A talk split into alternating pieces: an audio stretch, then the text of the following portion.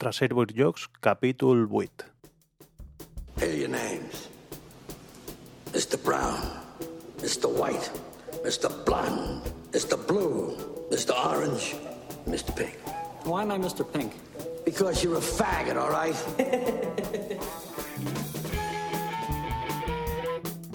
Estem gravant un dijous, eh, dia 1 de març del 2012 i avui és un dia molt especial perquè la meva mare fa 59 anys i des d'aquí la vull felicitar.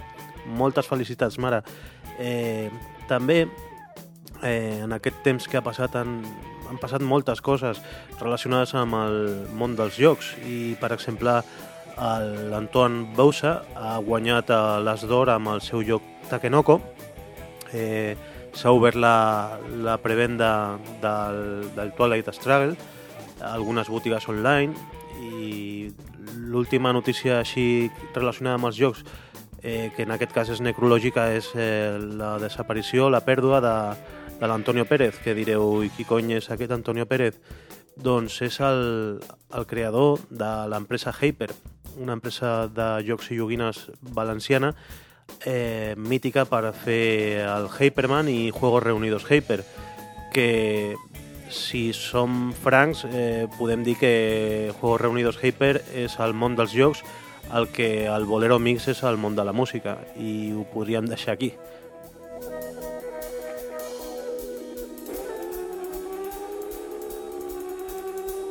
Possiblement heu notat que la meva manera de, de parlar, la, la manera de sonar la meva veu ha canviat respecte als darrers eh, capítols, als darrers episodis del podcast.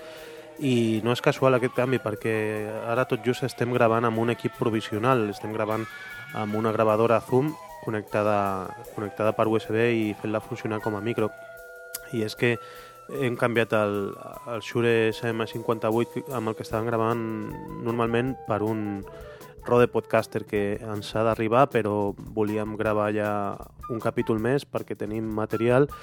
Eh, concretament, una entrevista que li van fer al, al Nasi Monconill allà a Manresa, al, al torneig de la llum de Carcassonne, i no volem deixar passar més temps sense, sense penjar-la, l'entrevista, perquè està molt bé i també vindrà el tas de jocs i no volem penjar una entrevista que té a veure amb una activitat anterior a la que estan desenvolupant ara mateix els amics del, del Club del Joc del CAE.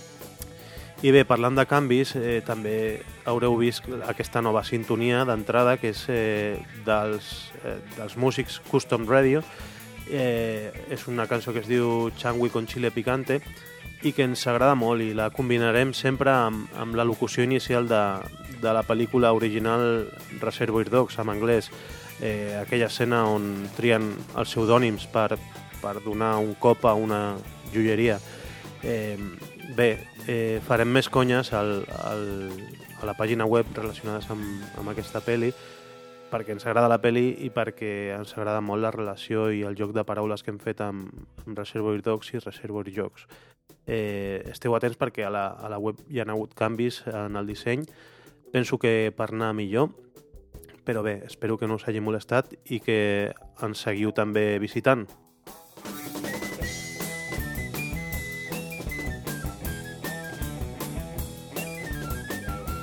Abans de, de passar-vos eh, l'entrevista de, del Nasi Monconill, us explico una mica per sobre què serà aquest tas de jocs. Eh, està configurat com una mena de petit festival de jocs de taula que es farà el dissabte 10 de març i diumenge 11 de març a, a l'Institut Lluís de Peguera d'allà de Manresa.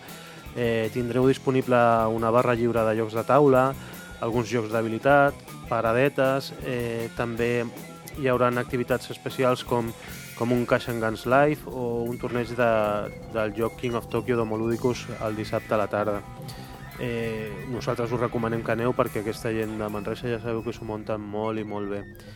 I bé, us passem ja l'entrevista del, del magnífic Nasi Monconill, una de les persones eh, que està darrere del Club del Joc de, del CAE, no l'única, i que pensem que val la pena d'escoltar. Bé, estem aquí a, a la Peixera, que s'està celebrant la quarta edició del torneig de la llum de Carcassonne, que organitza el Club del Lloc del CAE, i estem en, amb el Nasi Monconill. Li preguntarem primer com, com està la participació d'aquesta quarta edició. Bé, aquesta és l'edició que hi ha hagut més participants. Hi han 46 persones, quan estàvem acostumats doncs, a arribar justet a la quarantena. Per tant, és la, és la quarta edició i és la que de moment té més participants. Vosaltres ho feu cada any, el torneig de, de Carcassonne, o, o ha estat, hi han hagut edicions inter, interrompudes? No, el torneig de Carcassonne, el, vam, el torneig de Carcassonne de la Llum, el vam, com a tal el vam començar l'any 2009, perquè hi ha unes festes a Manresa, que són les festes de la Llum, i l'organització d'aquestes festes correspon cada any a una entitat diferent. Llavors, quan des del CAE vam, fer, vam complir 25 anys, vam assumir el repte d'organitzar les festes. Llavors vam introduir la primera edició del torneig i després, sí, a partir del 2009, doncs cada any hem anat fent una edició consecutiva. I jugueu amb unes expansions bastant peculiars. Eh, podries explicar una mica? Sí, el que hem intentat amb les expansions és, és adaptar el joc del Carcassonne o recrear-lo als fets aquests de, de la llum de, de Manresa, que és el que dona nom o el que originen les festes. Això és una mena de, com de miracle, de una, construïen una sèquia per portar aigua a la ciutat de Manresa i eh, el bisbe no va, des, va decidir que per casa seva, pels seus terrenys, no passava. Llavors hi va haver com un miracle, una llum que va sortir de Montserrat, que va arribar a Manresa, i a partir d'aquí el bisbe va canviar, va canviar d'opinió. El que hem intentat és reflectir peces o aquestes coses en el mateix joc. Hi ha l'expansió, la primera que vam inventar, que vam introduir l'any 2010, que és la misteriosa llum, on hi apareixen la figura de Montserrat i la figura del Carme, de l'església del Carme. Doncs, quan en el joc apareixen aquestes dues figures i les alinees, generes, es crea el miracle de la llum, llavors tot el que està en aquesta, a sota d'aquest raig, que uniria les dues peces, puntua com acabat. Les ciutats o els monestirs puntuen com acabat. I aquest any hem introduït la figura del bisbe Galzeran, que és un bisbe que era el dolent de la pel·lícula de la història de la llum, i el que fa és que quan aquest bisbe se situa en una ciutat, aquesta ciutat no es pot continuar construint.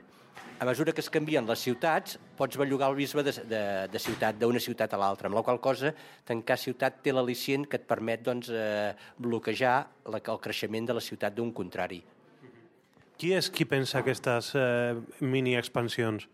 Des del Club del Joc. El Club del Joc del CAE és un equip de persones doncs, que estem piradets pels jocs, llavors ens trobem un cop a, a la setmana per fer partides aquí mateix a la Peixera, i llavors de tant en tant doncs, el que anem fent és això, és dir, intentar pensar o intentar adaptar, anar creant aquestes expansions. És dir, ara ja estem pensant doncs, de poder-ne introduir alguna l'any que ve o Bé, a partir una miqueta d'això, d'aquesta voluntat de, de fer el Carcassonne una miqueta més manresà, una miqueta més lluminós, no? més vinculat a les festes de la llum. Mm -hmm perquè a part de les festes de la llum també feu moltes coses. Eh, jo he vingut aquí a un Somas Job eh, en vivo i en directo i alguna cosa més per la setmana de llocs al carrer, una cosa així.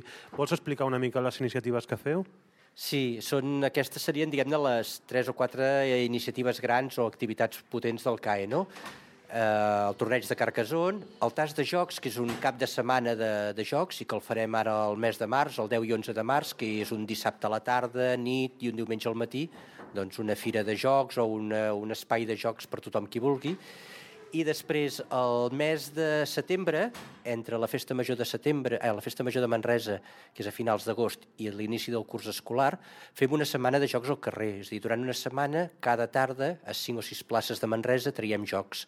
I a més a més, a la nit, llavors fem una, una activitat de jocs a la plaça Major, que estem aplegant doncs, al voltant d'un centenar de persones diàries, de gent jove, adults, i això és el setembre, a partir de la primera setmana completa de setembre aproximadament. Aquestes són les, diguem-ne, les tres activitats potents de, del Club del Joc, a part, diguem-ne, de l'espai de, de trobada setmanal, que és els dijous a la nit, també aquí a la Peixera. Eh, heu aconseguit que, que molta gent es, es disfressi de, de, de perso bueno, personatges medievals. Eh, hi ha algun al·licient per la gent que ve disfressada o com heu aconseguit mm, que arribi tanta gent caracteritzada?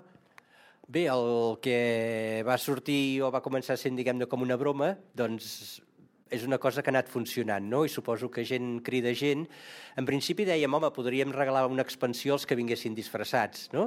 Però llavors vam dir, home, pues, escolta'm, saps què? Tothom qui ve aquí a jugar s'ho mereix i, per tant, el que farem avui és regalar una expansió d'aquestes del, del Bisbe Galzeran a, tots els, a totes les persones que han vingut a jugar. Però la idea inicial era només fer-ho als que vinguessin disfressats, com a al·licient.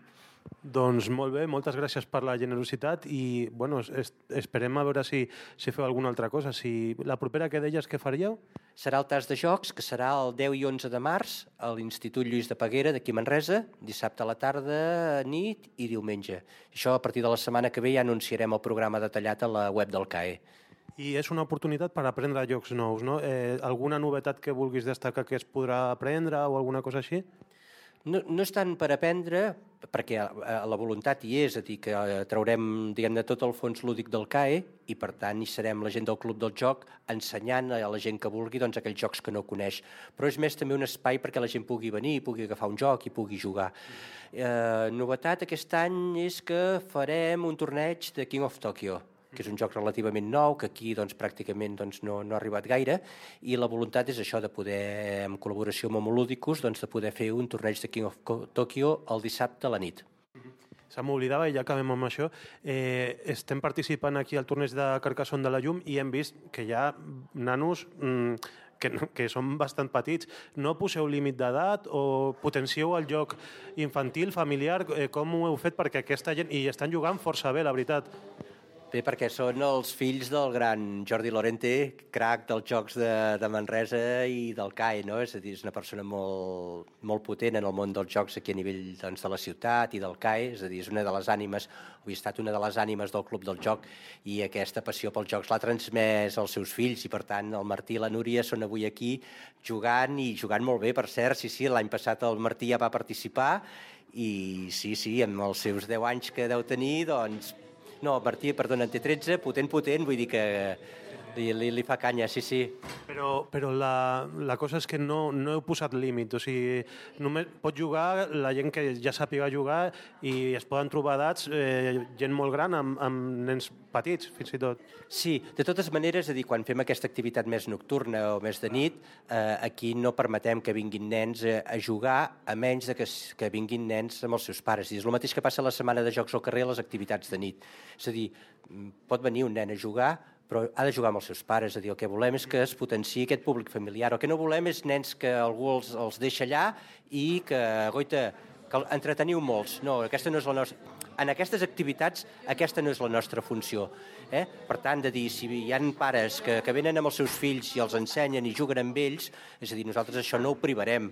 Eh? Entenem que el joc és un, jo, és un espai, diguem-ne, eh, de relació i que permet aquesta relació, diguem-ne, entre generacions diverses. El que no volem en aquestes activitats, perquè en d'altres sí que ho, que ho fem, doncs, és a dir, el, el nen que, que, que l'aparquen perquè, perquè l'entretinguem jugant. No. Per tant, el Martí és, l'any passat també el meu fill va estar participant aquí, però perquè també perquè ja hi ha una trajectòria de joc a casa i juguem i ens ensenyem els jocs i ell em guanya i ara el guanyo i llavors el que intentem és això també obrir-ho en aquestes activitats que fem. Sí, sí, està bé que matitzis això, que és per venir a jugar tota la família, no, no, no només per nens. I bé, i de participació, eh, alguna anècdota, eh, els vestits, per exemple, donen el seu tret perquè estan força bé? Sí, aprofitem molt, la, és a dir, el, el que aprofitem és la, diguem la infraestructura de, la, de, la festa, de, de les festes de la llum. D'aquí 15 dies hi haurà la Fira de l'Aixada, que és una fira medieval molt potent d'aquí de la ciutat, i llavors hi ha tot un tema d'ambientació, de disfresses, de vestits, tota una història doncs, de recreació d'aquest misteri de la llum, i llavors des de l'Ajuntament de Manresa, des d'una entitat que, o una empresa que, que fa lloguer de, de disfresses, que es diu precisament la disfressa, doncs aquesta gent ens faciliten, diguem-ne, una miqueta doncs, aquesta infraestructura, aquests vestits que podem o que portem, i doncs, eh, això també aprofitem la col·laboració doncs, de la Peixera, que ens accedeix als espais, la col·laboració de Devir, doncs, que ens deixa els jocs per poder fer el torneig i també ens dona doncs, uns premis. Vull dir que en aquest sentit eh, intentem aglutinar o intentem sumar esforços al màxim possible. Premis ja només pels guanyadors o hi ha premi de consolació? Hi han premis pels guanyadors i també hi haurà premis a repartir entre els participants. I, a més a més, el, el, a més, a més el que comentàvem abans, a dir que eh, lliurarem una expansió de la, del bisbe Galzeran, la figureta, les normes, a tothom que hagi participat. Doncs molt bé, moltes gràcies per la iniciativa i que vagi molt bé. Moltes gràcies a vosaltres, moltes gràcies també per haver fet difusió d'aquesta activitat i per haver vingut aquí a jugar, no? que sabem que veniu de molt lluny i que és un esforç important, vull dir que també en aquest sentit us ho agraïm. Encantats, gràcies. Molt bé, gràcies a vosaltres.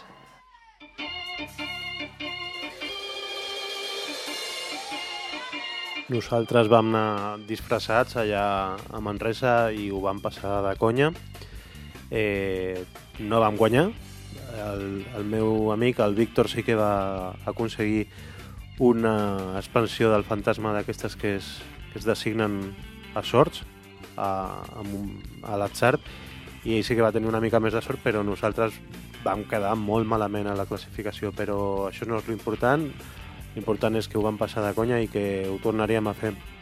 Bé, us eh, comento un parell més de cosetes abans d'acabar aquest capítol número 8 i és alguna novetat que ja podem trobar a les botigues, no? I una de les que, de les que us vull parlar és el Caspager, que és eh, una expansió d'un joc que es diu The Spagerstad de l'Stefan Fell, és un joc de subhastes i aquesta expansió afegeix alguna coseta més i també et permet millorar-te una mica el joc original amb, amb 25 monedes que són de veritat, són monedes de, de metall i li dona un altre aspecte al joc i el joc penso que és bastant bonet i aquesta expansió la tenim una mica al radar per, per comprar-la quan, quan sigui possible perquè millora el joc original bastant pel que es veu.